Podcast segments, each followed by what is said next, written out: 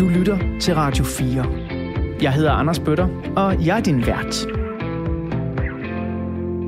Rigtig hjertelig velkommen tilbage til Portrætalbum her på Radio 4.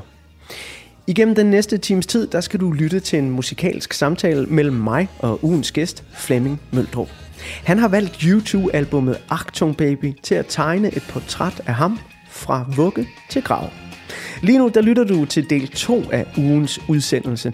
Har du ikke hørt del 1 endnu, så vil jeg opfordre dig til at lytte til den først. Du kan finde den inde i Radio 4's app, eller der hvor du finder dine andre podcasts. Lige nu der er Flemming og jeg i gang med at lytte til nummeret Mysterious Ways. Så inden jeg bladrer op på de næste sider i portrætalbummet, hvor der blandt andet er billeder af Flemming anno 2022, U2 og deres album Achtung Baby, så hører vi lige Mysterious Ways færdig.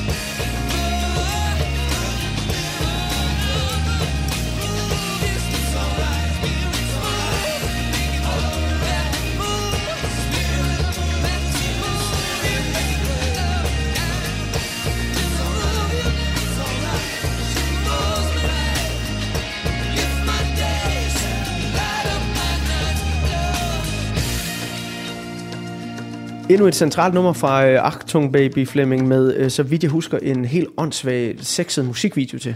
Ja, uh, det jeg tror jeg, altså, jeg, en af, altså noget af det, der er interessant ved det her album, er jo redefinitionen af bandet. Mm. At, de, at de skaber sig selv, de brænder sig selv ned, og så bygger de et nyt YouTube op, som vi kommer til at se hen over de næste par album, inden de ligesom far vild igen, synes jeg på en eller anden måde, de gør Absolut. senere. Men, øh, men her der opfinder Bono jo øh, rockstjernen The Fly, mm-hmm. tror jeg nok, mm-hmm. ikke? Ja. Fordi han har brug for et alter ego for at, komme, for at skabe noget afstand til, Til Jesus. Bono, ikke? Det var vi enige om, ja, lige præcis. Og, og det synes jeg er enormt interessant. Ja. Ja. Og, og med det, der følger jo den her vilde æstetik, som jo både er i musikvideoen, men også øh, på, som album, albumet også bærer præg af. Ja. Øhm, og som, som jeg mange måder synes øh, er, er, som adskiller sig fra nogle af de andre udgivelser, der kommer, hvor YouTube på en eller anden måde er i gang med også at sætte noget, noget, nogle billeder på, på det år, og, Mm. og, og det, der kommer i fremtiden. Øh, og det synes jeg, er, så det er meget fascinerende. Jeg tror, at men her Mysterious Ways, det er inkarnationen. Jeg tror, The Fly, altså Mysterious Ways, der tror jeg, The Fly, han ligesom får luft under vingerne på Ja. en eller anden måde. Ikke? Men, Det øh, er en, en øh, drøn god måde at beskrive det der på. Ja. Øhm, der er et aspekt af YouTube, øh, som jeg har valgt ikke øh, at, at dække så meget i udsendelsen her, men som jo også fylder meget øh, for mange mennesker, både på godt og ondt. Mm. Og det er hele det her, hvad skal vi sige, kalde Jesus-kompleks. Øh, som især Bono, han virkelig øh, kan have. Øh, og bandet har jo igennem tiden øh, støttet Greenpeace, Amnesty International, øh, og jeg er ret sikker på, at de øh, i hvert fald i begyndelsen gør det mere af et oprigtigt godt hjerte, Ja. end de gør det for, for publicity og sådan, fordi den dag i dag er det jo meget normalt, Ja. at superstjerner støtter det ene og det andet, øh, eller laver deres egen NGO, Ja. eller hvad det kan være. Øh, det var det ikke nødvendigvis, når man var et band fra Dublin øh, dengang.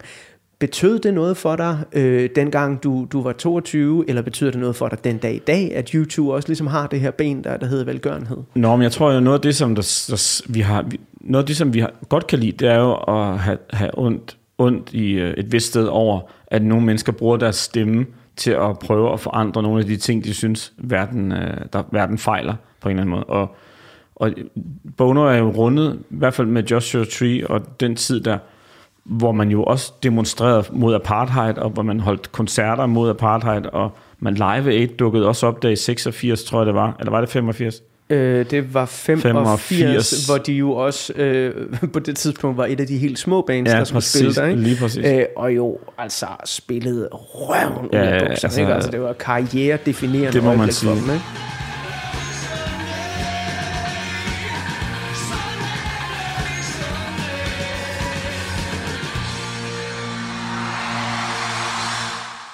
Så, så de er jo rundet af, at musik også kan forandre verden, ikke?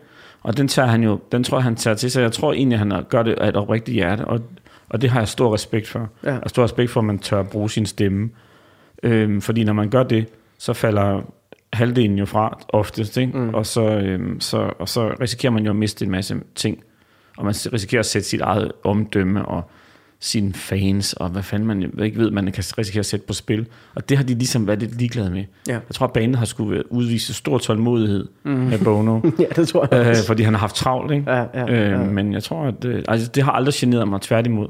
Det har heller ikke været sådan et en definerende ting, hvor jeg har sagt, Nå, men nu er, jeg, nu er jeg fan af, af YouTube, fordi Bono han opfører sig sådan her. Nej. Jeg synes, det er stærkt, at han har ture. Ja. Og det har, det har været vildt irriterende for nogen, tror jeg, men mig har det aldrig rigtig generet.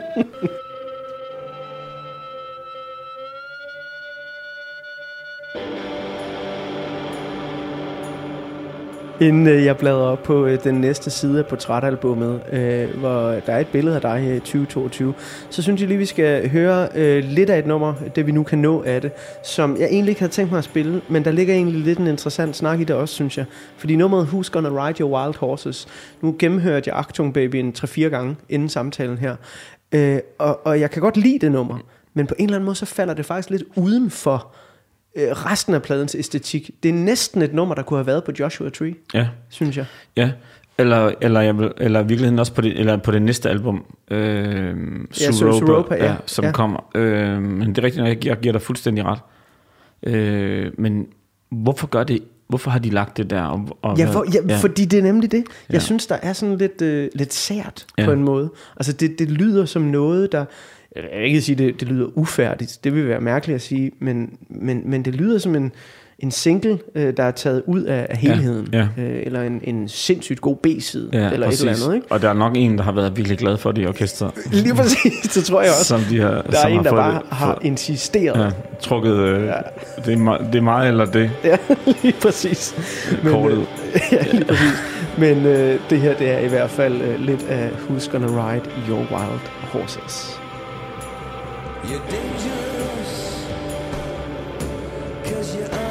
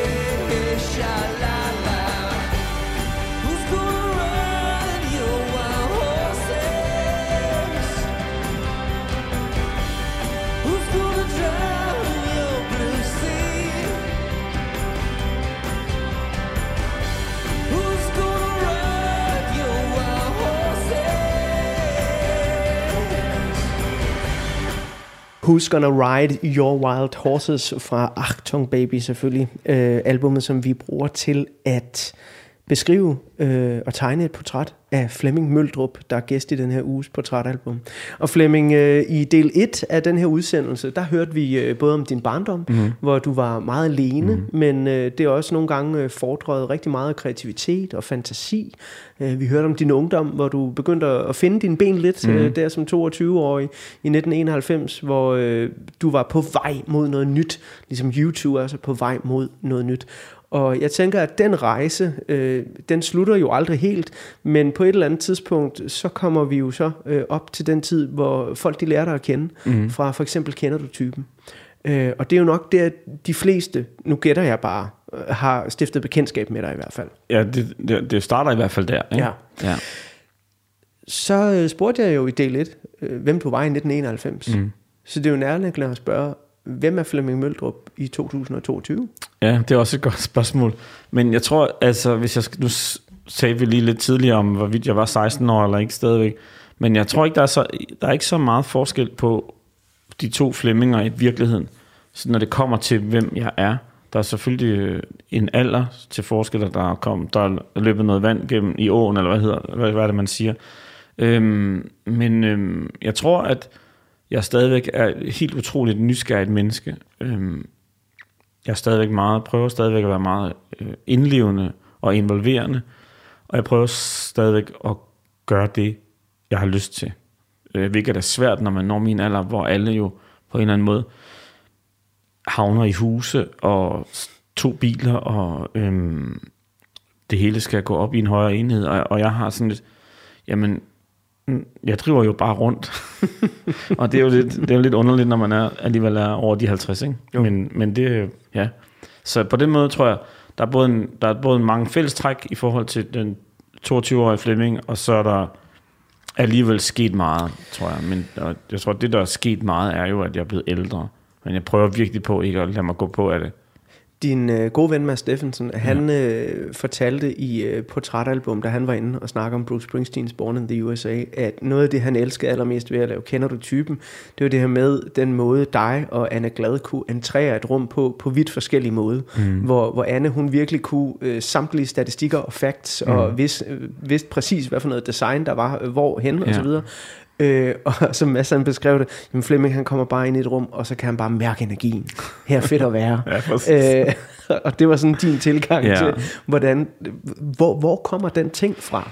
Jamen, altså, jeg har aldrig været god til øh, statistikker. Jo, jeg kan jo læse dem, men så, kan jeg, så kommer jeg i tanke om noget andet, og så fylder det. Øhm, men jeg tror, at jeg har...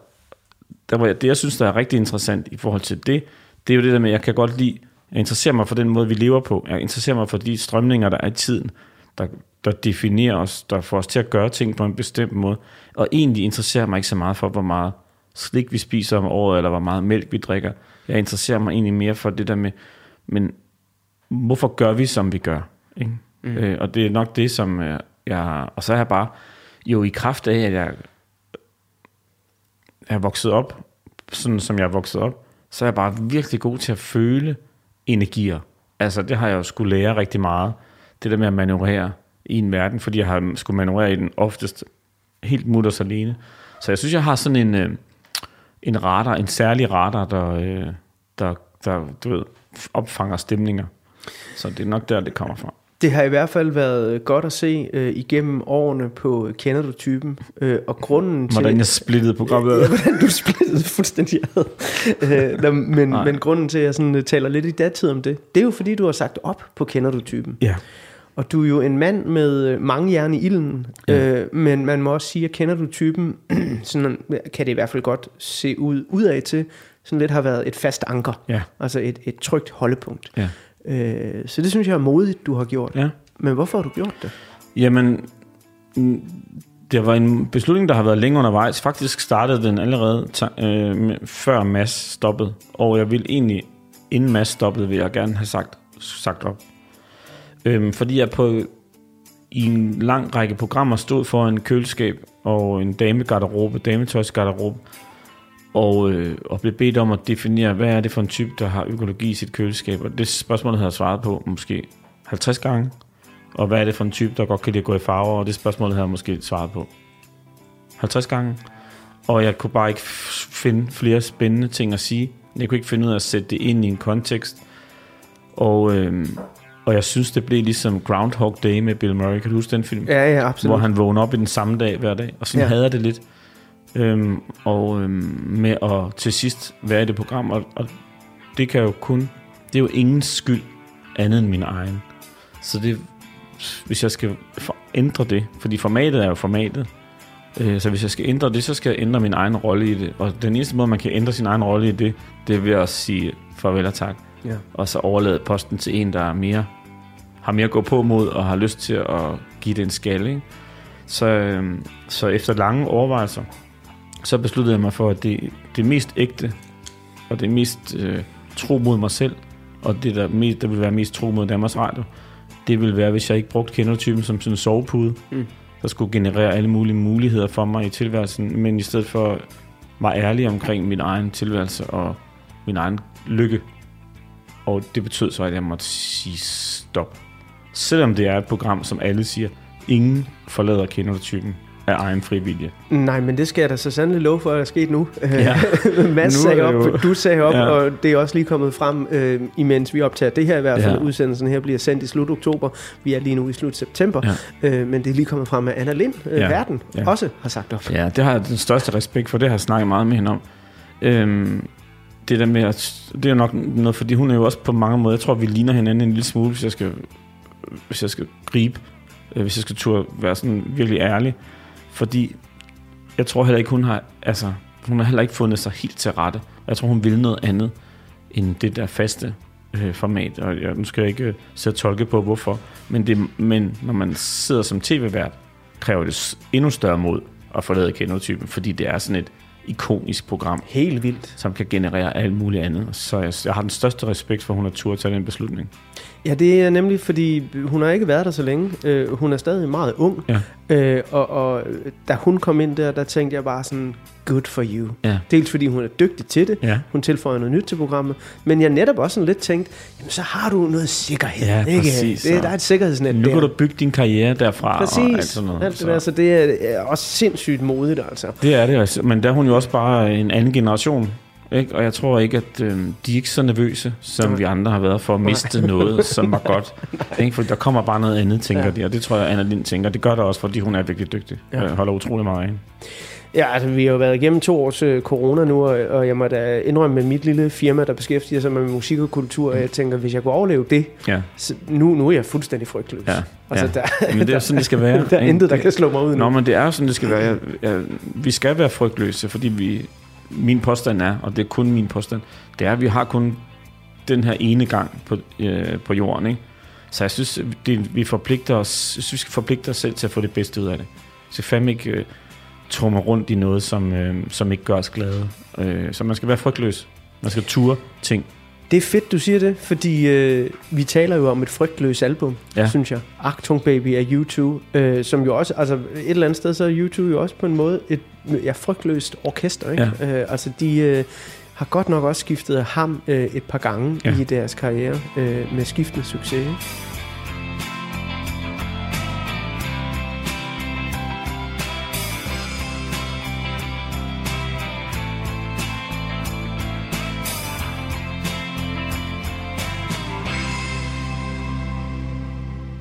Nu skal vi så til det her, som jeg øh, fejlagtigt kom til at tease lidt for i den første del af portrætalbum. Jeg sagde, at jeg ligesom havde lavet sådan en lille marketerning, hvor jeg mm-hmm. havde Mhm. pakket vores tos respektive yndlingsnumre. Ja. ind i. Øhm, det har jeg lagt her i øh, den her del af portrætalbum nu, fordi jeg vil gerne tegne en lille portræt mm. af U2. Mm. Jeg tror, de fleste, der lytter med, har en ret god idé om, hvem U2 er. Så det, det bliver ikke øh, verdens største leksikon, vi skal igennem her, men der er nogle ting, som lige skal på plads, hvis man skal lære det her band at kende. Og der er ikke øh, særlig mange øh, bakker, jeg gerne vil dø på i øh, musikkens navn, men en ting, jeg gerne vil argumentere for lige indtil den dag, jeg ikke er her mere, det er, at de tre sidste numre på Achtung Baby figurerer i blandt de bedste albumafslutninger i musikhistorien. Det er fuldstændig vanvittigt. Det er helt sindssygt. Og det er sindssygt at lægge dem der. Ja. Fordi det, jeg synes, det er, altså, det er, vi, vi snakker virkelig om en buket af de tre bedste albumnumre nogensinde. Ja. Men i slutningen af et album i hvert fald. Men i virkeligheden også måske nogle af de allerbedste numre, som bandet har leveret. Lige præcis. Øh, og vi starter med øh, min personlige favorit øh, fra øh, albummet, nummeret Acrobat, som har den fantastiske linje, And I joined the movement if there was one I could believe in. Yeah, I'd break bread and wine if there was a church I could receive in. Sådan, Bono. Ja. Men øh, man skal ikke... Øh, Bono er meget underkendt, synes jeg, og, øh, fordi han, øh, han er i virkeligheden en stor sangskriver. Altså, han skriver virkelig nogle store tekster. Og det tænker jeg, han får ikke den credit for det, synes jeg. Han får meget credit for at være en dygtig frontman, men Mm. han er virkelig også en dygtig sangskriver, synes jeg. Jeg er fuldstændig enig, og, og især både på øh, Joshua Tree og på Achtung Ja. Baby i, i hver sin pol, kan man sige på en eller anden Lige måde. præcis.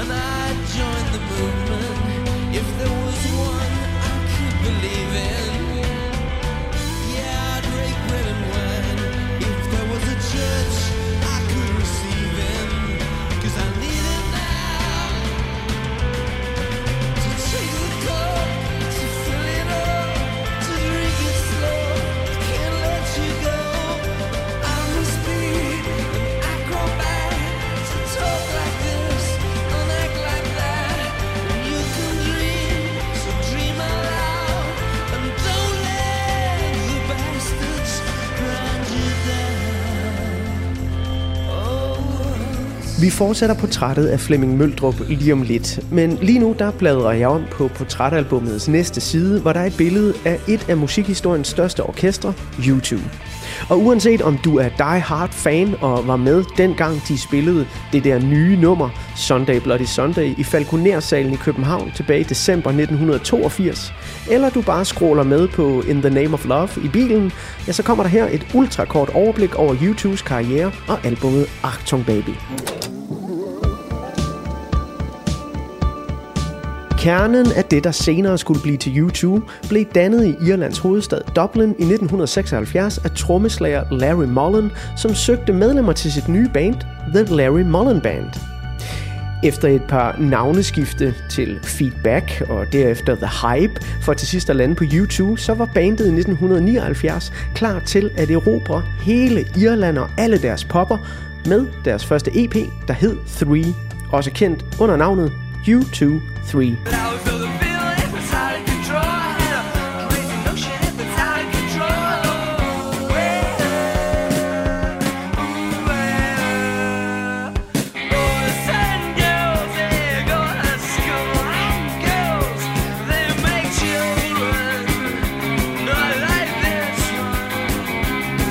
fire musketerer, trommeslager Larry Mullen, bassist Adam Clayton, guitarist The Edge og forsanger Bono bruger begyndelsen af 1980'erne på at erobre de britiske værtshuse og senere mellemstore spillesteder rundt om i Europa. Bandet er født ud af punk og post-punk musikbevægelserne, og derfor er deres første sange ofte korte, kontante, lidt hårde i filten og har ret tit politiske eller samfundskommenterende tekster. Det helt store gennembrud kommer med deres tredje album War fra 1983, der med sange som New Year's Day og Sunday Bloody Sunday faktisk formår at vippe Michael Jacksons Thriller-album væk fra den britiske albumhitlistes førsteplads. plads.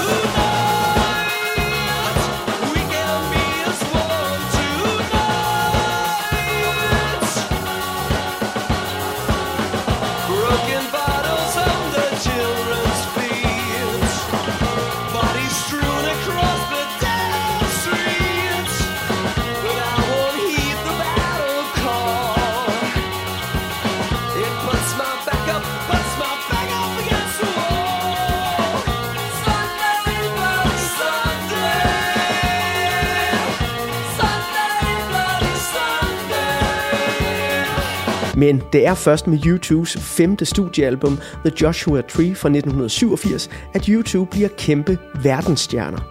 Albummet er med sine mere end 25 millioner solgte eksemplarer stadig her i 2022 et af de bedst sælgende albums i musikhistorien. Og albumets singler With or Without You og I Still Haven't Found What I'm Looking For solgte helt enormt, blev spillet på radiostationer verden over, sunget i kirker og er stadig den dag i dag bandets eneste sange, som er gået ind på den amerikanske single hitlistes førsteplads. With or without you.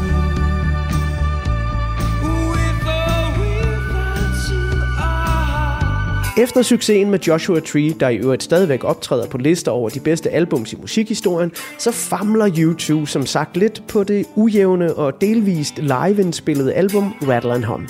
Bandet er i kreativ krise og oplever for første gang i deres karriere både kritiske røster fra anmeldere og trofaste fans. Derfor så beslutter de sig for at prøve nye eksperimenter af.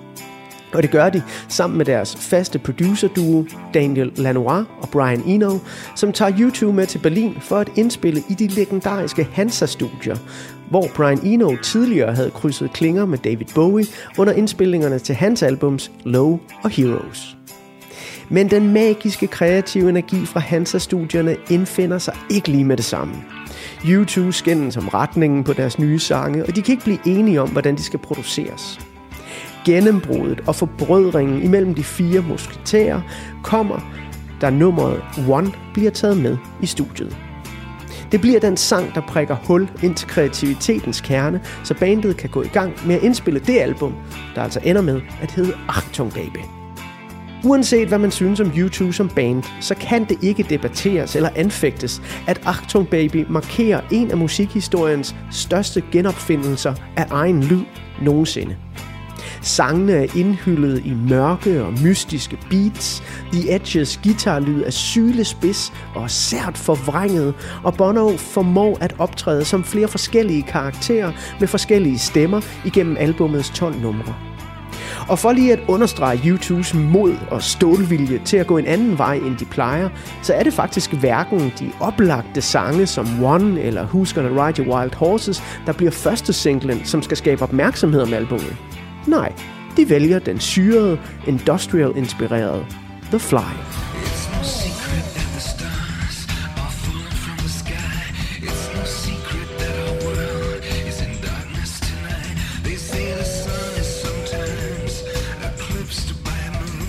Og hvis kvantespringet Achtung Baby ikke var nok til at sætte en ny dagsorden for U2 og katapultere dem ind i 90'erne, så satte den efterfølgende multimediekoncertturné Zoo TV Tour en tyk fed streg under, at U2 var et revitaliseret band, som ikke gad at se sig tilbage. Turnéen tog dem rundt i hele verden i løbet af 1992 og 1993. Til flere af koncerterne spillede U2 op til otte numre for Achtung Baby i streg og udelod flere af deres største hits fra 80'erne. Bono optrådte blandt andet som figurerne The Fly, Mirrorball Man og den nu legendariske McFisto, som havde for vane at ringe til alverdens statsledere live fra scenen. Da Zoo TV Tour kom til Gentofte Stadion i 1993, forsøgte Bono i den karikerede rolle Macfisto at ringe til Uffe Ellemann. Han kunne dog kun få fat i hans hustru, Alice. Hello? Hello, I'd like to speak to Mr. Offerman. No, that's not He's not in tonight? Who's speaking. My name is Mr. Macfisto, and I'm a personal friend of his. Zoo TV koncertturnéen etablerede U2 som et af verdens største livebands og satte nye standarder for brugen af multimedieindslag til livekoncerter verden over. Men til trods for de store armbevægelser, så kunne U2, også på højden af deres karriere i 1990'erne, også godt finde ud af at give mindre og mere intime koncerter. Det skete blandt andet i 1993, hvor U2 slog sig sammen med R.E.M., der på det tidspunkt hittede med albumet Automatic for the People. Den nye supergruppe blev kaldt Automatic Baby, og spillede en live-version af nummeret One på MTV i anledning af den nyvalgte demokratiske præsident Bill Clintons indsættelse. When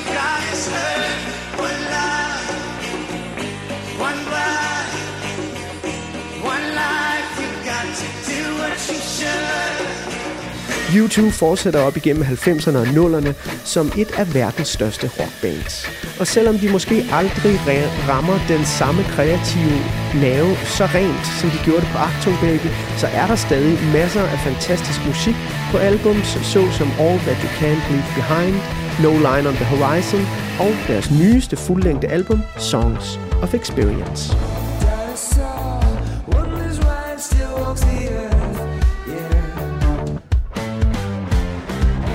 Alt i alt så har YouTube udgivet 14 fuldlængde studiealbums. De har vundet 22 amerikanske Grammy'er, hvilket faktisk gør dem til det mest Grammy-vindende band nogensinde.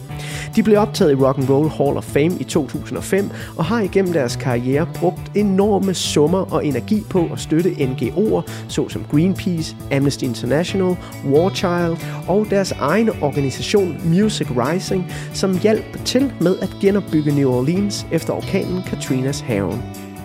Deres samlede estimerede salgstal ligger på mellem 150 og 170 millioner solgte albums. Men for ugens portrætalbumgæst Flemming Møldrup, der er Achtung Baby det sidste reelle mesterværk fra U2's hånd. Og nu så skal vi altså så høre nummeret, som Flemming helt subjektivt påstår er U2's bedste nummer nogensinde. Det her er Ultra Violet.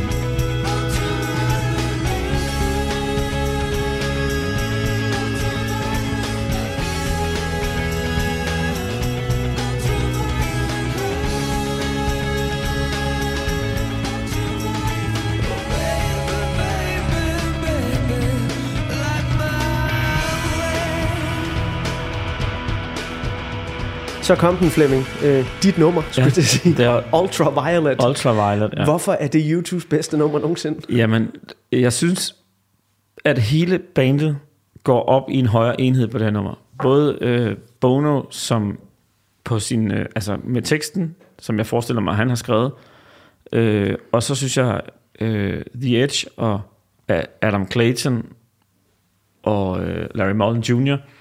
Øh, får det hele til at fungere, og, og jeg synes, de skubber. Det er ligesom om, når jeg hører det her nummer, så ser jeg sådan et, et menneske fange et lille rum, som kaster sig op mod væggene for at gøre det større. Og jeg tror, at jeg har den følelse af, at YouTube prøver at ekspandere deres univers på det her nummer. Og jeg synes egentlig, Bono også leger med sin vokal, øh, hvor han virkelig flytter sig fra at være i, et, i en kom, komfortabel zone, og så flytter han vokalen rundt og ud i hjørnerne, og, øh, og han er stor respekt for det nummer, så det bare altså eksploderer det jo bare i fantastisk musik, synes jeg, til, i, i anden halvdel af nummeret i hvert fald.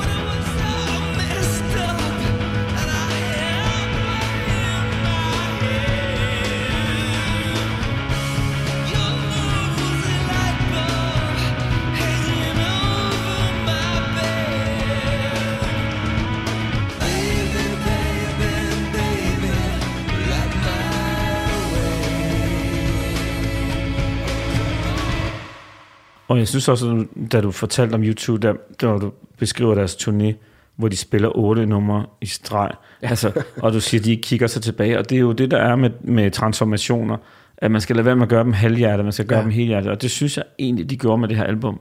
Ja. Altså, de lagde Joshua Tree, som var det her massive, politiske, korrekte album væk, og så tog de virkelig afstand, tager de virkelig afstand fra deres USA-rundrejse med Rattle and Hum og prøve at finde tilbage til rødderne og alt det der, mm. som de jo ikke rigtig mente, Nej. virkelig, hvis du spørger mig. Nej. Jeg ved, der er mange, der har Rattle and Hum som yndlingsalbum, så det er ikke for at fornærme jer. Findes de? Ja, det gør de Nå, faktisk. wow. Øh, jeg diskuterer ofte, eller debatterer ofte med dem, når jeg poster ting om YouTube. Ja. Øh, og her siger man, har man bare trukket en streg i sandet. Og som ja. du så sagde, man har allieret sig med den faste producer duo, ikke? Mm. Daniel Lanoir, og som jo, kan man sige, står for det bløde og poetiske, og Brian Eno, der står for det hårde og metalliske, og, for det, og de får det hele til at gå op på det her album, Ja. synes jeg. Som, øh, så jeg synes det virkelig, det er noget med at få revet noget ned, og få bygget noget op, og få gjort verdens, deres verden større, og få redefinerede sig. Jeg sad og øh, så nogle optagelser fra Zoo TV Tour, Ja. øh, og det var ret sjovt at se igen. Øh, det sad jeg så på VHS, Ja. øh, da jeg var en bitte knægt, Ja. og, og var vildt fascineret. Især den her Mephisto-karakter. Ja, McFisto, det var godt, du nævnte ham. Ja, der ja, ligesom kan der ringe, til, rundt, ja. ja. Ringe til statsledere. Og så kan man til at tænke på en, en sjov ting. Øh, altså, teknologi udvikler sig jo hele tiden. Øh, Men jeg kommer bare til at tænke på, prøv at tænke på, hvor fysisk et setup det egentlig skal være. Ja. Der er faktisk en mand på Gentofte Stadion, der skal få fat i et meget langt fastnet telefonkabel, ja. ja. og trække det hele vejen Ja. under scenen og op til Bono, hvor han så står med en fastnet-telefon Ja. og skal ringe Ja. til alverdens statsledere. Ikke? Øhm, Jo, men så forestil dig rideren, som jo sikkert er fyldt med alt muligt, men så står der også Uffe, Ellemann, Uffe Ellemanns telefonnummer, det skal vi også bruge. Det sjove er, at der er faktisk en artikel, Ja. ja. jeg kan anbefale inde på gaffa.dk, øh, hvor de øh, skriver om Uffe Ellemann. Øh, den, jeg mener, den blev lagt op Ja. øh, i anledning af hans død her for nylig. Okay. Øh, og der får vi historien om, hvordan de fik hans nummer. Og det er simpelthen, YouTube har simpelthen sendt sådan nogle små scouts ud i VIP-områderne. Og sådan ligesom, hvad, øh, har du nogens nummer? Har, kan vi gøre et eller andet her? Og så er de jo så løbet tilbage med en lille notesblok Ja. og sagt til Bono, "Jamen, jeg har ham her, og jeg har ham her, og hvad med ham her? Og der prøver han jo så ja, at ringe til Uffe Man. Ja, Uffe Man, ja. Nå, det, er, det er meget sjovt, det er gjort på den måde der. Ja. Så det er ikke pladeselskabet, der har skulle arbejde hårdt for Ikke finde... ifølge den historie Nej, i hvert fald. nej, Men interessant. Man kan sige, nogle af de andre numre, han får fat i, jeg tænker sådan noget som Bill Clinton, Ja, det, den det gør nok man ikke- nok ikke lige sådan Nej, inden... inde i VIP-området. Nej, det gør man nok Men ikke. man ved aldrig. Ting, verden er jo virkelig underlig. Jamen det er det, og det er jo også, altså, øh, ja, øh, Ja. jeg hader det udtryk, men, men altså på mange måder var det en anden tid. Ja, ja Altså, men det er rigtigt. Det her med, at en superstjerne ringer til en verdensleder, Ja, ikke? altså jo. det er jo... Ja. Forestil dig øh, Beyoncé øh, ringe til Joe Biden, ikke? Men, jo, men måske er det også det, der ligesom gør, at, at altså, definerer Bonos mm, sindssyge arbejde med, øh, apropos verdensleder efterfølgende. Det er jo det der med, at han påtager sig rollen Ja. som den, der fik, skal fikse ting. Ikke? McFisto påtager sig rollen i hvert fald, Ja. som den, der skal stille spørgsmål. Har du, øh, du har set YouTube live. Ja. Øh, har du tal på, hvor mange gange? Jeg har kun set dem en gang live, desværre. I Royal Arena? Nej, Nej? øh, det er ikke engang i Royal Arena. Jeg så Nej. dem i parken. Jeg mente bare, jeg så dig inde i Royal Arena. Øh, men øh, det kan være, at det har Øh, været din gode ven Mads Steffensen. måske, så ja, der. Øh, når du så dem i parken, Ja. og det har så enten været på været, popturen måske? Ja, eller? det har været på poptur. Ja. Ja. Det var min øh, første stadionkoncert. ja. Øh, Det var det samme for mig. Ja, det, det og var jeg tror, at øh, jeg, øh, jeg prøvede at få... De tog jo en uh, Joshua Tree 30-year tour, Mm. og jeg prøvede, jeg- som jeg ikke, desværre ikke kunne få billetter til, for den ville jeg gerne have set. Øhm, men jeg har heller ikke sådan... Altså, jeg, når jeg, nogle gange, jeg har en datter på 15, når vi, og jeg, som jeg bor alene med en gang imellem, når hun er her hos mig. Og når hun ikke skal ud i weekenderne, og hun sidder inde på sit værelse og ser film, så sidder jeg inde i sofaen, og så ser jeg gamle koncertoptagelser på YouTube. Ja. Og, og for ikke så lang tid siden, så faldt jeg over YouTube på Roskilde. ja. Den ligger inde på YouTube. Ja, jeg sidder lige og fisker efter hver år. Det, det har også Jeg tror, det er tidligt. 82 Ja, eller sådan noget, 81, Okay. 82. Det har været virkelig tidligt, for jeg Ja. tror ikke, der er ikke nogen, af, af- altså, de, jeg, så vidt jeg husker, spiller de ikke nogen war-numre. Nej. Så det har været før det, ikke? Ja. Øhm, og, og den vil jeg gerne anbefale, at man kigger på. Og jeg ja. synes, at der, hvor, hvor Bono er allermest intens, og allermest interessant, det er jo i de der år, som vi også ser under Live Aid, hvor han jo, som jeg har, har læst mig til, skal spille tre numre. Mm. De skal spille tre numre, men de når kun at spille to, Ja. fordi han kravler ned fra scenen Ja. og, og hiver damer op og Der, danser der med. har siddet en pladselskabsmand og været rødglødende der. Jo, ja, men det kan man jo. Men bagefter har han været glad, ikke? Jo, Fordi jo, jo. ba- bandet, han Bono jo sat bandet på kortet. Ja, ikke? ja, Øhm, lige præcis. Ved at være så crazy. Og det er han jo i og for sig også. På Roskilde, der hopper han jo op i den her legendariske tv-kran. Mm. Og råber og skriger og sådan noget. Han er meget intens.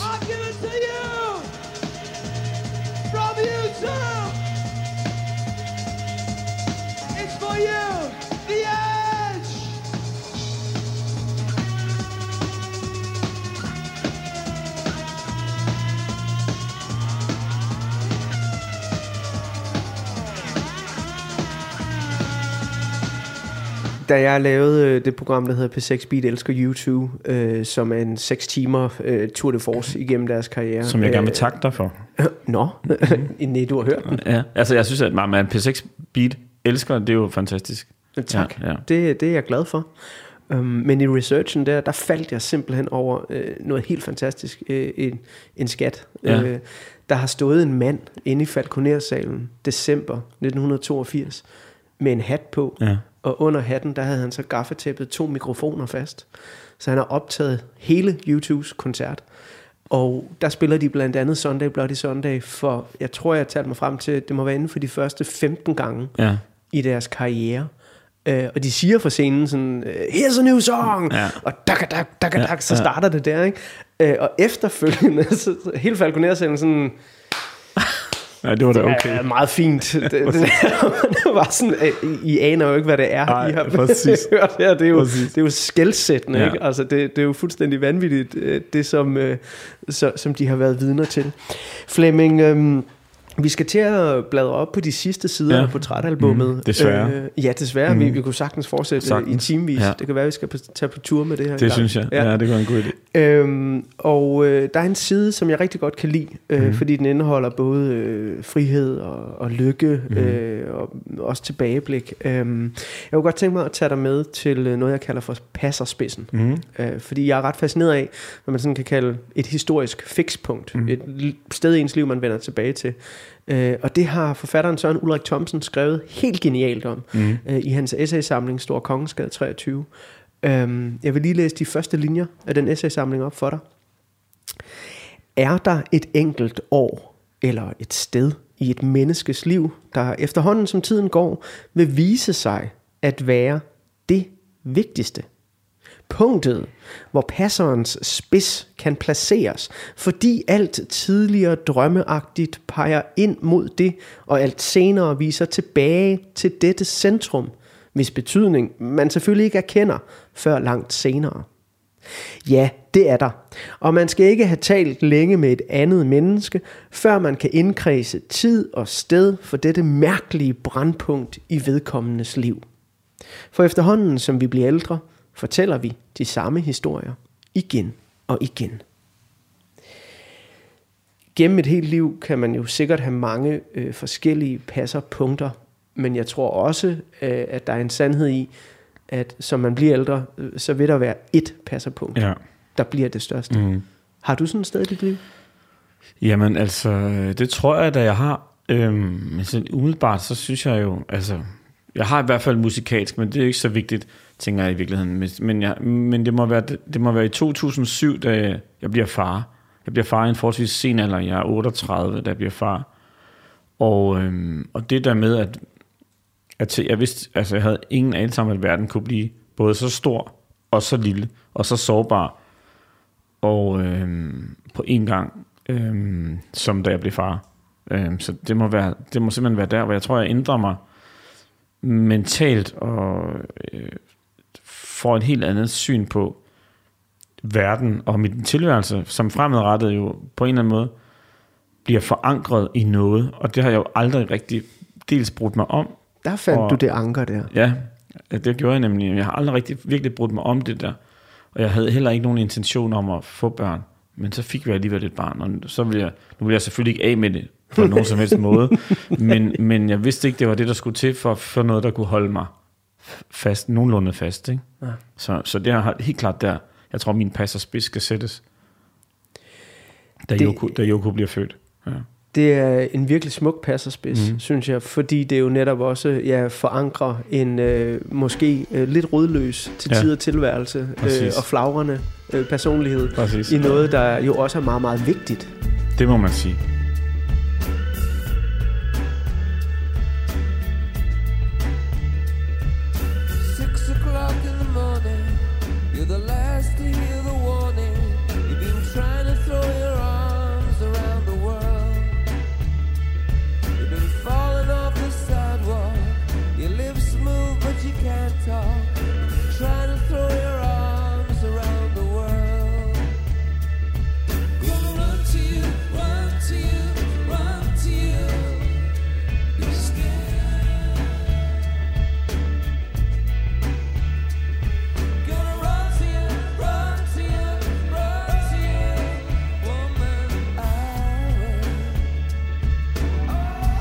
Flemming, vi skal bladre op på øh, den sidste side af portrætalbum, og øh, på den side, der er der et billede af din begravelse. Ja.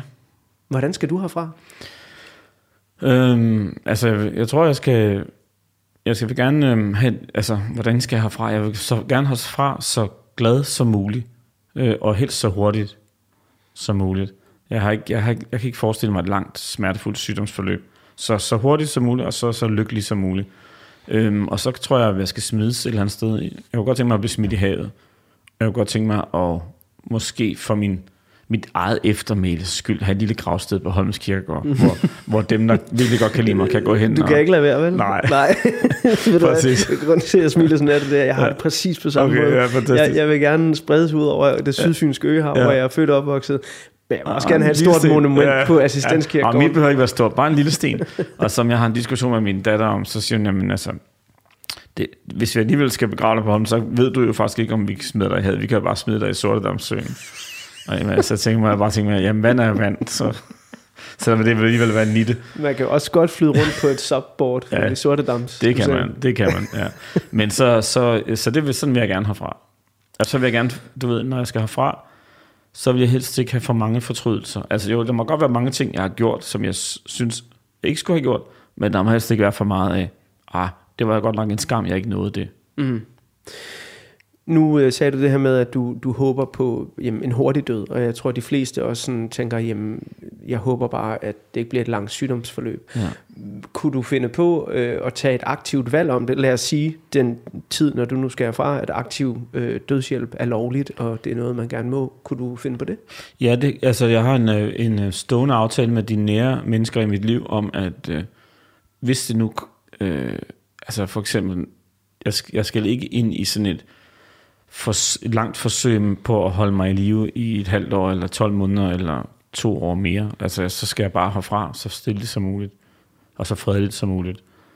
Sådan at det, det, altså fordi, jeg synes det er så ærgerligt, og det, jeg synes det er så synd for de mennesker, øhm, som bruger utrolig lang tid på at, være, at have et smertefuldt sygdomsforløb for til sidst så at skulle herfra. Jeg forstår godt, at man gør det, fordi man kæmper for sit liv, og man kæmper for at blive rask, og man kæmper på at fastholde alt det, man har.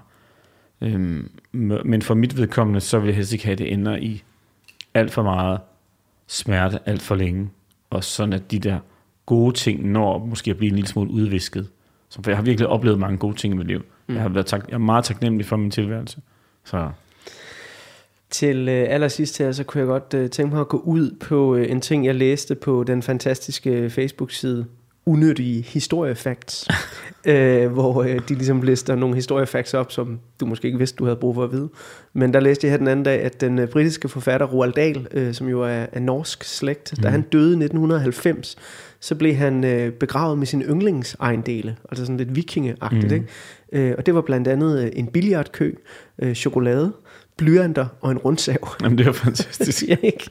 Hvis du nu øh, skulle have noget med i øh, kisten, inden den bliver brændt, ja.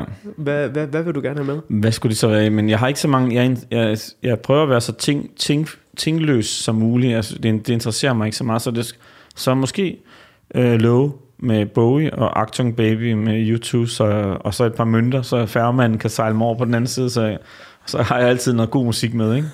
Det, det skulle er- være det, tror jeg. Det er et helt perfekt øh, svar, øh, Flemming. Jeg har valgt, at udsendelsen her skal slutte med øh, albumet sidste nummer, Love is Blindness. Ja. Fordi er det ikke bare oplagt? Det er jo en, også en, det er sikkert en slutning. Sikke en slutning. Ja. Altså det, det er jo, ja. Så det er et passende farvel Ja. øh, til dig og til øh, albumet her, øh, eller vil du have valgt noget andet? Nej, nej, nej, Love is Blindness. Jeg kan ikke engang huske, hvad han synger. Love is Blindness, det er jo det er faktisk også en meget smuk tekst. Meget. Øh, Meget altså der er blandt andet den her Love is Blindness, but I don't wanna see. Ja, Og, og det er bare sådan, oh, Ja. hold da op, Ja, mand. Øh, præcis. det, det er nemlig virkelig, Så- virkelig smukt. Og så er, det jo, så er det jo en del af den triologien med de bedste, de Ja. tre bedste numre på Det- et, som, et, som afslutningsnummer på et album nogensinde. Ikke? Det er, det er, øh, Vi omfavner ovenikøbet din Acrobat også, ikke? Jo, lige så præcis. jeg husker, så er det Ultraviolet, er det. Acrobat og Love is Blindness. Lige præcis. Ja. Det er lige præcis det der. Så det kunne ikke være bedre. Flemming Møldrup, tusind mange gange tak, fordi Det er mig, der takker. Det er jo en ære at være med i det her program. Åh, oh, dog. Så tusind tak.